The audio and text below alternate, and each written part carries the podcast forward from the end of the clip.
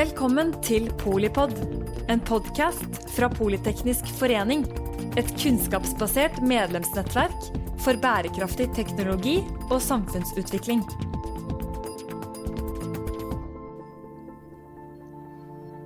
Velkommen til Polipod om Norge som batterinasjon. Velkommen enten du har flatt batteri eller er fulladet for litt ny innsikt og inspirasjon om nye batteriteknologier og markeder. Vi så jo Superbowl-reklamen om elbilsuksessen eh, i Norge, og vi tror i hvert fall selv at vi er en ideell teststasjon for nye batteriløsninger. Men kan vi skape ny næring knyttet til produksjon av eh, i verdikjeden for batterier? Velkommen til eh, Morten eh, Halleraker, som er leder av Hydros eh, batterisatsing. Tusen takk. Og velkommen til Erik Sævar, som er leder av Senatet. Tusen takk. Senatet med C, må vi vel si. Ja, med C. kan du fortelle, Erik, hva gjør dere egentlig? Det, hva gjør Senatet? Du, vi utvikler silisium nanopartikler eh, som skal inn i anoden i fremtidens eh, litiumbatterier. I dag er det stort sett eh, grafitt. Eh, men silisium kan lagre ti ganger så mye strøm som eh, grafitten kan. Eh, og det betyr jo i praksis at vi kan eh, erstatte 10 kilo grafitt med 1 kilo silisium. Eh, så du sparer mye vekt og mye plass, og det er også billigere. Og hvis du har spart vekt og plass, så får du egentlig da plass til større batteri i den samme bilen. Så det er et veldig viktig bidrag til å få elbiler til å gå lengre og bli billigere. Og noe som veldig mange nå over hele verden jobber med å få til. Eh, vi har et veldig nært samarbeid med noen av verdens ledende battericelleprodusenter. Eh, og håper å få dette ut i markedet allerede om eh, ja, to-tre to, år. Og dere holder til i Norge? Og vi holder til i Norge. Askim og Sharelab ved Universitetet i Oslo. Spennende. Er det noe helt annet enn det Hydro tenker seg, eller hva, hva gjør dere? Ja, nei, det, eh, Vi eh, starter jo et annet sted, da. Eh, vi er, vi er nok mest kjent som aluminium- og energiselskap. Så vi driver jo storindustri. Og det er kanskje ikke kjent for alle at vi har begitt oss inn på batterier i det hele tatt. Men hvis jeg får lov til å ta en liten historisk omvei, så er det jo sånn at da Birkeland og Eide for 115 år siden stifta Hydro, så var det jo for å løse et av datidens aller største utfordringer, nemlig å fø en voksende befolkning. Svaret da var jo produksjon av kunstgjødsel basert på norsk fossekraft. Og samtidig så skapte de en serie av industrieventyr. Og global oppvarming er jo en av vår tids største utfordringer. Elektrifisering av transport og industri er helt nødvendig for å begrense global eh, oppvarming. Og Samtidig er det en industriell mulighet av historiske dimensjoner. Og Hydro identifiserte for noen år tilbake at eh, batterier er en eh, industri som har høyt potensial, og mente da at, at industrien passer godt for, for, Hydro og godt for Norge. Og Vi har over flere år systematisk bygd kunnskap og tatt mindre posisjoner innen batteriverdikjeden. Og vi har lært gjennom aktivt eierskap, aktivt industrielt eierskap. Uh, samtidig som verdiene på de, de posisjonene vi tok, uh, har utvikla seg uh, positivt. Så Sist høst så beslutta Hydros toppledelse og styre å for alvor ta steget over og investere og utvikle en betydelig batterivirksomhet. Og da gikk dere ikke alene? Nei, når man er, når man er Eh, helt ny i en bransje, da skal man være ydmyk eh, og, og, og, gjøre ting sammen med andre. Så det er en av våre hovedstrategier. Vi, vi, eh, vi er i dag en av hovedeierne i Corvus Energy, som er verdensleder på batterisystemer til skip. Hovedkontor og automatisert produksjon i Bergen. Og der er vi medeiere sammen med Equinor, Shell og og, og BV Ventures, blant annet. Vi eier òg en liten del av Northvolt, svenske oppstartsselskapet, som jo er på god vei til å bli en av lederne i europeisk battericelleindustri. Og sammen med Northvolt og Norske Batteriretur, nok et partnerskap, så starter vi nå opp batteriresirkulering i Fredrikstad under navnet Hydrovolt. Og sist, men ikke minst, kanskje, vi har da gått sammen med Equinor og Panasonic for å undersøke muligheten for å bygge en topp moderne gigafabrikk for celleproduksjon i Norge så vi ser òg etter aktive investeringsmuligheter innen råvarer til batterier, men der har vi ikke tatt noen posisjoner ennå. Så kort sagt da, så er det sånn at Hydro er en aktiv eier. Vi er jo uh, forskjellige fra, fra Senatet, sant, som utvikler ny teknologi. Vi er en aktiv eier og utvikler batteriindustri. Eh, vår prioritet er å skalere det beste eksisterende teknologien i Europa. Og så skal vi etter hvert nok òg bidra til å industrialisere eh, innovasjoner. Så du er jo i senatet, Erik, eh, innovasjonsmester. Jeg tror eh, folk har lyst til å skjønne litt hva er forskjellen på en silisium-nanopartikkel og en titandioksid-nano som vi hørte om i forrige episode? Da ble jeg litt svar skyldig, for jeg hørte ikke forrige episode. Nei, nei, men fortell om silisium-nano. da. Silisium har vi nok av, i hvert fall. Ja, det er jo uh, det grunnstoffet det omtrent finnes mest av på jordkloden. Uh, det er veldig glad i, i litium, så det, hvert silisiumatom kan faktisk lagre fire litiumatomer. Men da svelger materialet litt. Eh, ganske kraftig. Og det er jo det som gjør at dette er teknisk eh, krevende. Eh, for du må ha en, en sånn silisium nanopartikkel som da kan få lov til å svelle. og det må batteriet rundt tåle. og så leder silisium egentlig litt det leder litium ganske dårlig, så du må jobbe litt med den partikkelen for at den skal lede litt bedre. Og så Eh, når den utsettes for elektrisk spenning så, eh, og vokser og krymper, så kan den begynne å flytte på seg. Eh, så du må gjøre litt for å unngå det. Så det er mange tekniske problemer. Det siste er kanskje at når det vokser og ekspanderer, så får det ny overflate. Og på den overflaten legger det seg ofte et belegg. Og så krymper den igjen når du lader ut, og da faller det belegget av. Så den flasser på en måte. Eh, og det flasset spiser opp den væsken i batteriet som egentlig skal lede strømmen. Eh, så du kommer inn i ganske krevende tekniske eh, problemer. Men som man da har liksom løst Altså Hvis den bilen ikke skulle gå i 10-15 år, men bare i tre, så tror jeg vi liksom kunne vært på markedet med en gang. Uh, og så er det å håndtere de, den lange levetiden det som vi jobber med å løse rent teknisk. Og da samtidig jobber vi med å skalere opp til masseproduksjon. Så vi bygger jo nå første fullskala produksjonsreaktoren uh, det, nå i år. Hvor da? Uh, den blir bygd på nye industriområder som heter Holtskogen mellom Oslo og Askim. Mm.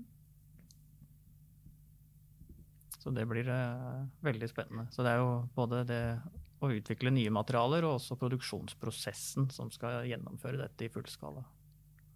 Du sitter jo nå i studio med to samfunnsøkonomer som jeg tror har fått en, eh, en eh, grei oversikt. med dine ord, i hvert fall. Da. Høres veldig bra ut. I, i det som er fint, hvis vi lykkes og uh, blir verdens beste på, på vårt område, og Hydro lykkes, da er sjansen stor for at eh, vi eh, kommer til å levere materiale til den fabrikken som Hydro forbereder. Det må være målet. Det må være målet. Artig. Altså hva eh, Det tar meg egentlig til Jeg er veldig nysgjerrig på hvordan si, en, en, norsk bransje kan bygges, da, og, og hva slags eh, fortrinn um, både store og små aktører vil ha ved å operere i Norge.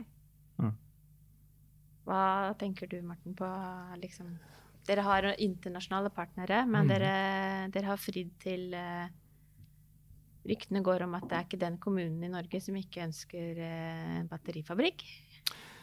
Nei, vi har, vi har fått uh, enda mer oppmerksomhet enn vi, enn vi, hadde grunn til å håpe på, tror jeg. Og, og det kan jeg jo si litt innledningsvis at jeg er ganske imponert over uh, hvor foroverlent og næringsvennlig uh, norske kommuner uh, er. og hvor, hvor, hvor, mye mer industrivennlig myndighetene synes å være nå enn bare for få år siden. Så det er iallfall en det er iallfall noe å ta med seg eh, når vi skal bygge ny industri i Norge. Men, men tilbake til spørsmålet ditt, så, så, er det vel sånn at vi har én virkelig, virkelig, avgjørende fordel i Norge, og det er at vi har uh, mye uh, fornybar energi.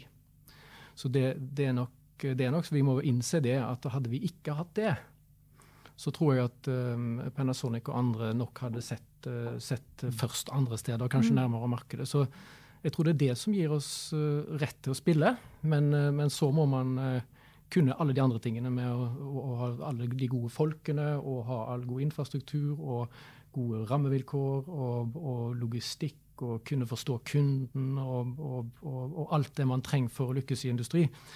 Men, men uten, uten, fornybar kraft så tror jeg vi hadde vært ansett som ganske langt, langt unna sentrum. Ja, selv om vi er det landet som hele Superbowl nå vet at uh, det er her uh, man kjører elbil? Ja, Det må jo være lov til å, til å sole seg litt i glansen av, eh, av at vi er tidlig ute. Altså det, personlig så har jeg brukt det, brukt det som et av innsalgsargumentene når vi, når vi snakker med, med sluttkund, potensielle sluttkunder da, i, i, for en mulig cellefabrikk. at at i, i, Norge så vil eh, folkene som jobber på fabrikken eh, ganske sikkert ha kjørt elbil i mange år. De vil skjønne godt hva som er, hva som er kundens eh, grunnleggende problem. Så du har helt rett. Det, det er nok en tilleggsfordel at vi, at vi, har vært tidlig ute. Så her må vi applaudere for fremsynte politikere. Ja, og Det er vel riktig å si at sånn som både Corvus og Saptek på ladesiden er nok barn av den politikken og det at vi har ligget langt fram. Og det betyr at det er mange i finansmiljøet som tidligere ser at dette kommer, og mange på jobbjakt som tidligere ser at dette kommer, enn i land som ligger bak oss. Ja, dette er helt riktig. Corvus, Corvus er jo et selskap som ble, som ble startet i, i Canada. Mm. Det, det, er jo fortsatt, uh, vi har jo fortsatt en, en stor avdeling i Canada, men, men, grunnen til at Corvus flytta hovedkontor og produksjon til Bergen, det var at uh, det var i Norge markedet var. Og markedet var jo ferger ferjer og, og, skip som skulle elektrifiseres. Så det, har, uh, det skaper industrielle muligheter å, å, være tidlig ute. Hvor kommer markedet, da? Nå tenkte jeg ikke sånn geografisk, men mer sånn segment. Du kan si at alle, alt som du har behov for å lade opp ofte, og som skal holde liksom under seks timer, det tror jeg blir batteridrevet. Og det inkluderer jo i praksis også alt av veitransport, egentlig.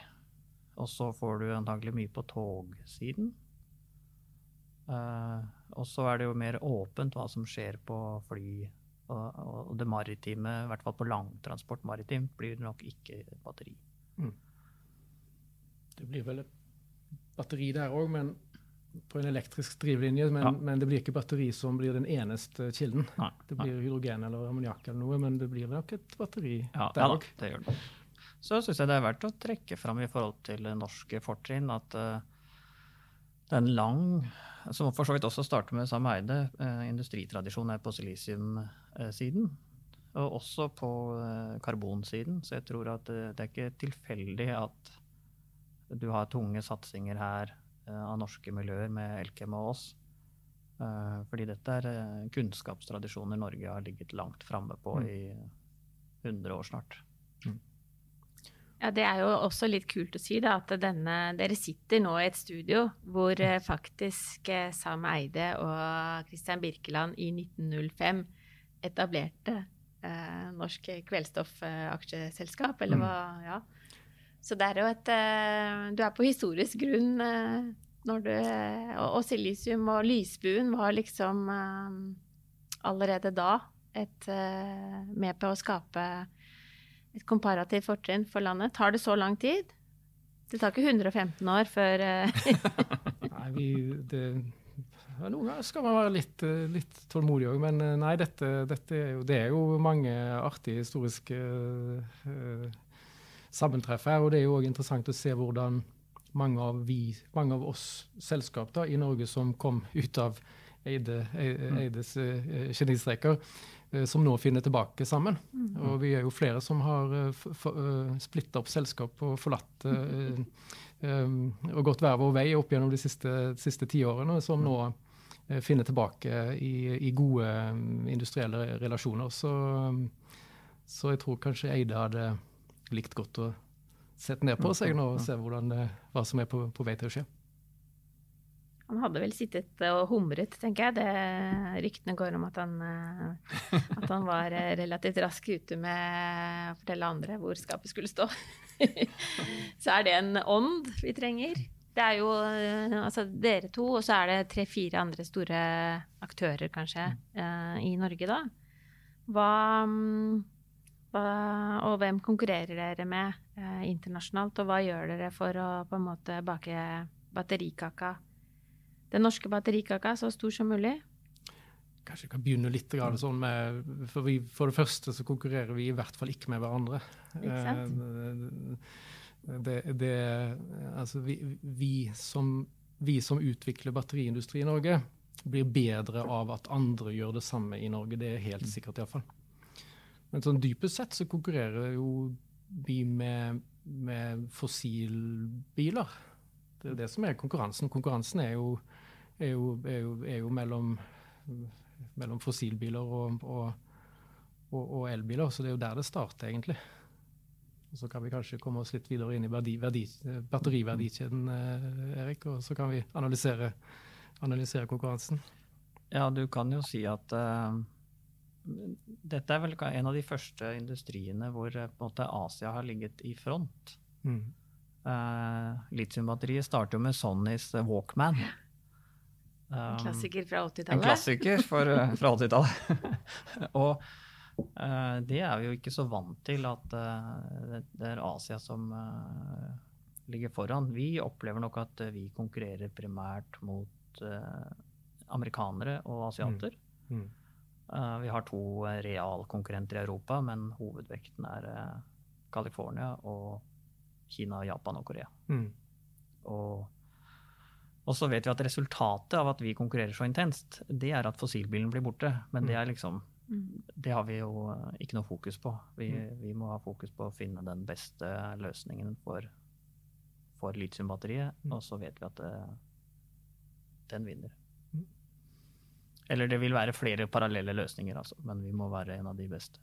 Jeg kanskje kan si noe om det. Altså, batteri er ikke batteri. Det er helt utrolig. Det ser jo prikk likt ut fra utsida hvert år. Og så tas det altså ut kanskje 10 000 patenter i året 10 000? På, det, på det som skjer inni. Mm. Det er i hvert fall minst det. Uh, og så står det kanskje to-tre årsverk bak hvert av dem.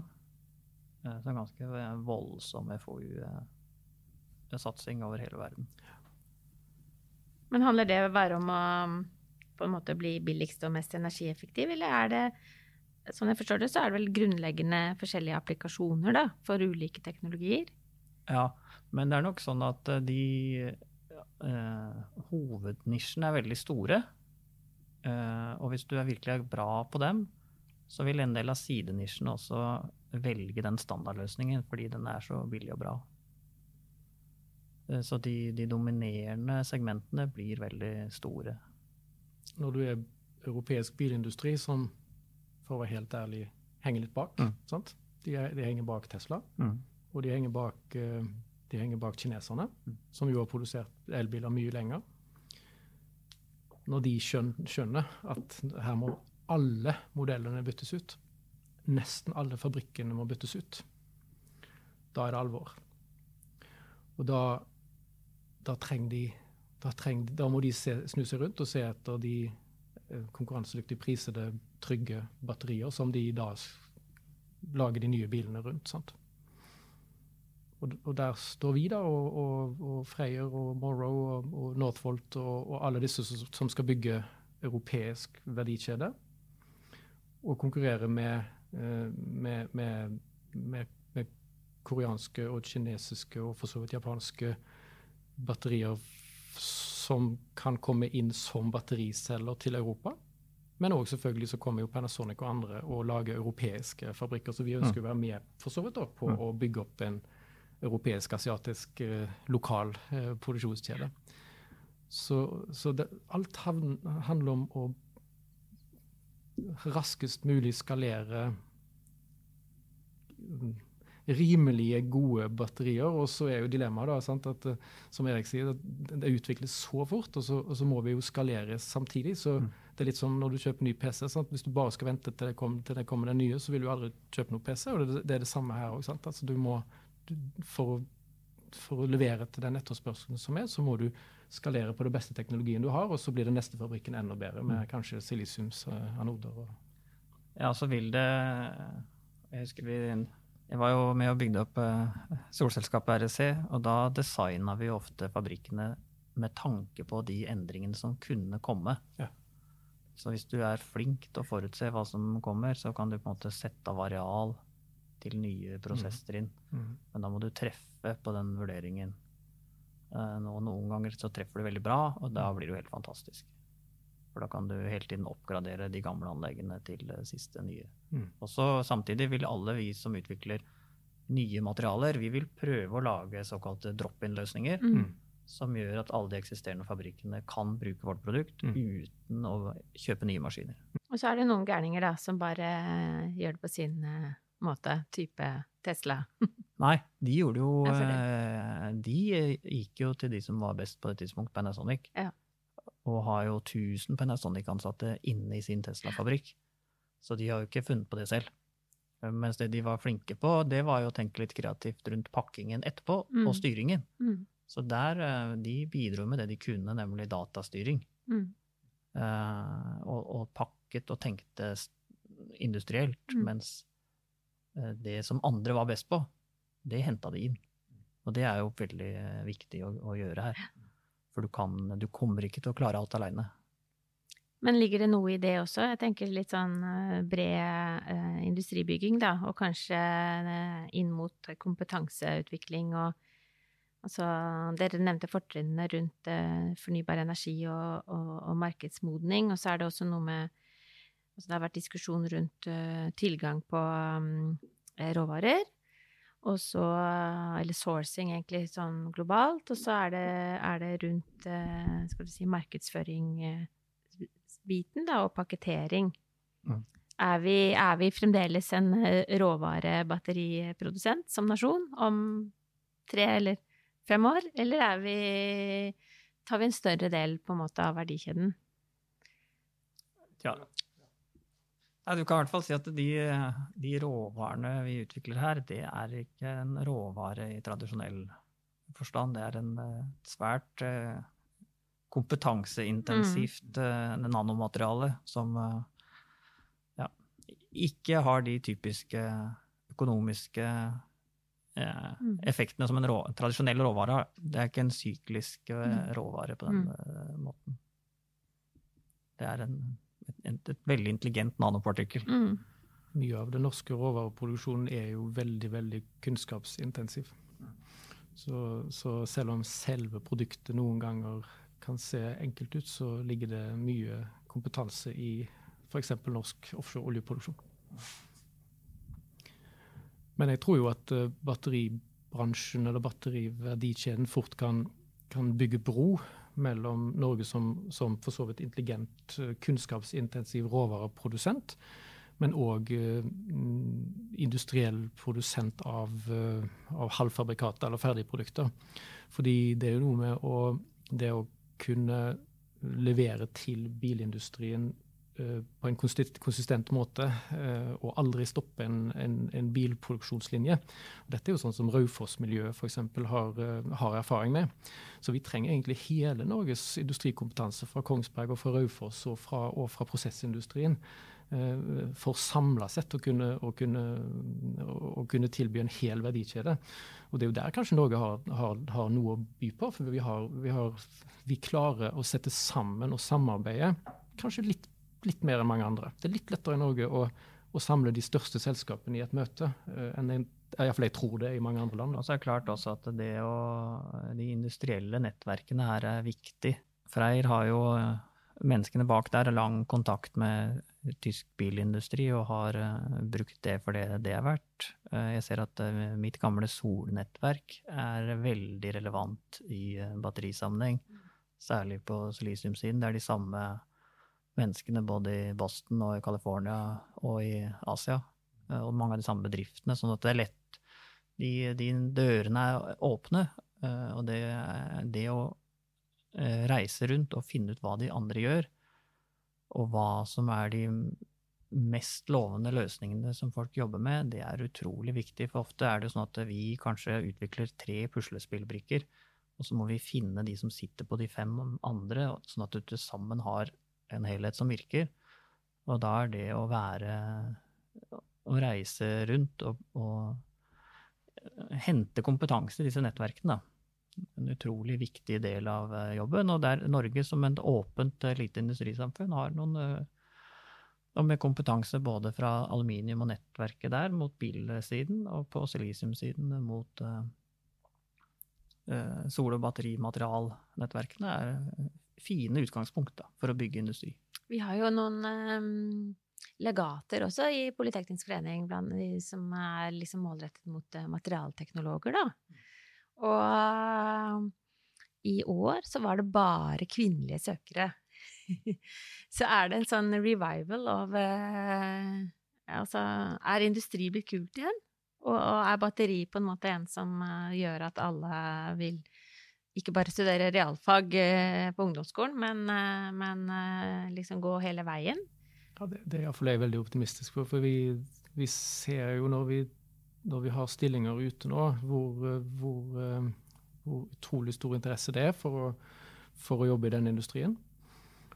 Og eh, jeg har jo sett noen sånne videoer fra Northvolt og ser liksom hvem som, hvem som går på gulvet der, og hvem som styrer, styrer, styrer fabrikken der. Det, det, er unge jenter i 25-årsalderen, nyutdanna ingeniører fra Norge og Sverige og, og Polen og andre steder. Så så jeg tror nok at, eh, at det kommer til å se an, annerledes ut i, i, våre batterifabrikker enn det det, det det, gjør eh, i våre andre prosessanlegg. Ja, og jeg tror eh, ingeniører og forskere har veldig lyst til å ha en meningsfull jobb. Og hvis du kan være med å løse liksom, en av vår tids store tekniske problemer, så er jo det noe som veldig mange syns er veldig spennende. Så du, du får jo veldig gode eh, søkere og god rekruttering til en sånn bransje. Det er klart da, Lokalt nå så, så må, man jo, må man virkelig snu seg rundt for å, få, for å få de unge til å velge automatisering og, og, og, og industriproduksjon og de, de, de, fagene som vi trenger. Vi kommer til å trenge veldig veldig mange, eh, veldig mange nye, nye, ansatte i de neste årene. Hvilke tips har du? Hva skal man søke på. Nå er det snart søknadsfrist. Nei, jeg vet ikke. Det, til mine egne barn så pleier iallfall jeg å si at uh, i tillegg til at de må ta mest mulig matematikk og fysikk og kjemi, så hvis de klarer det, det, det er at uh, batteri, uh, batterikjemi det er iallfall et område som jeg ville ha vurdert å studere litt hvis jeg, hvis jeg skulle videre fra videregående skole nå. For der tror jeg det blir ikke noe problem å få jobb der, tror jeg. Du er helt enig, selvfølgelig? Ja, det tror jeg er veldig lett å skrive under på. Eller så må jeg jo bare slå et slag for eh, samfunnsøkonomi, da. Som, ja, ja. Sam samfunnsøkonomi. alltid er relevant. Samfunnsøkonomi kan brukes til mye. ja, det er nydelig. Tusen takk, eh, Morten eh, Halleraker, leder av Hydros batterisatsing. Tusen takk, Erik Sauer, leder av Senatet. Veldig inspirerende å høre om batterimulighetene.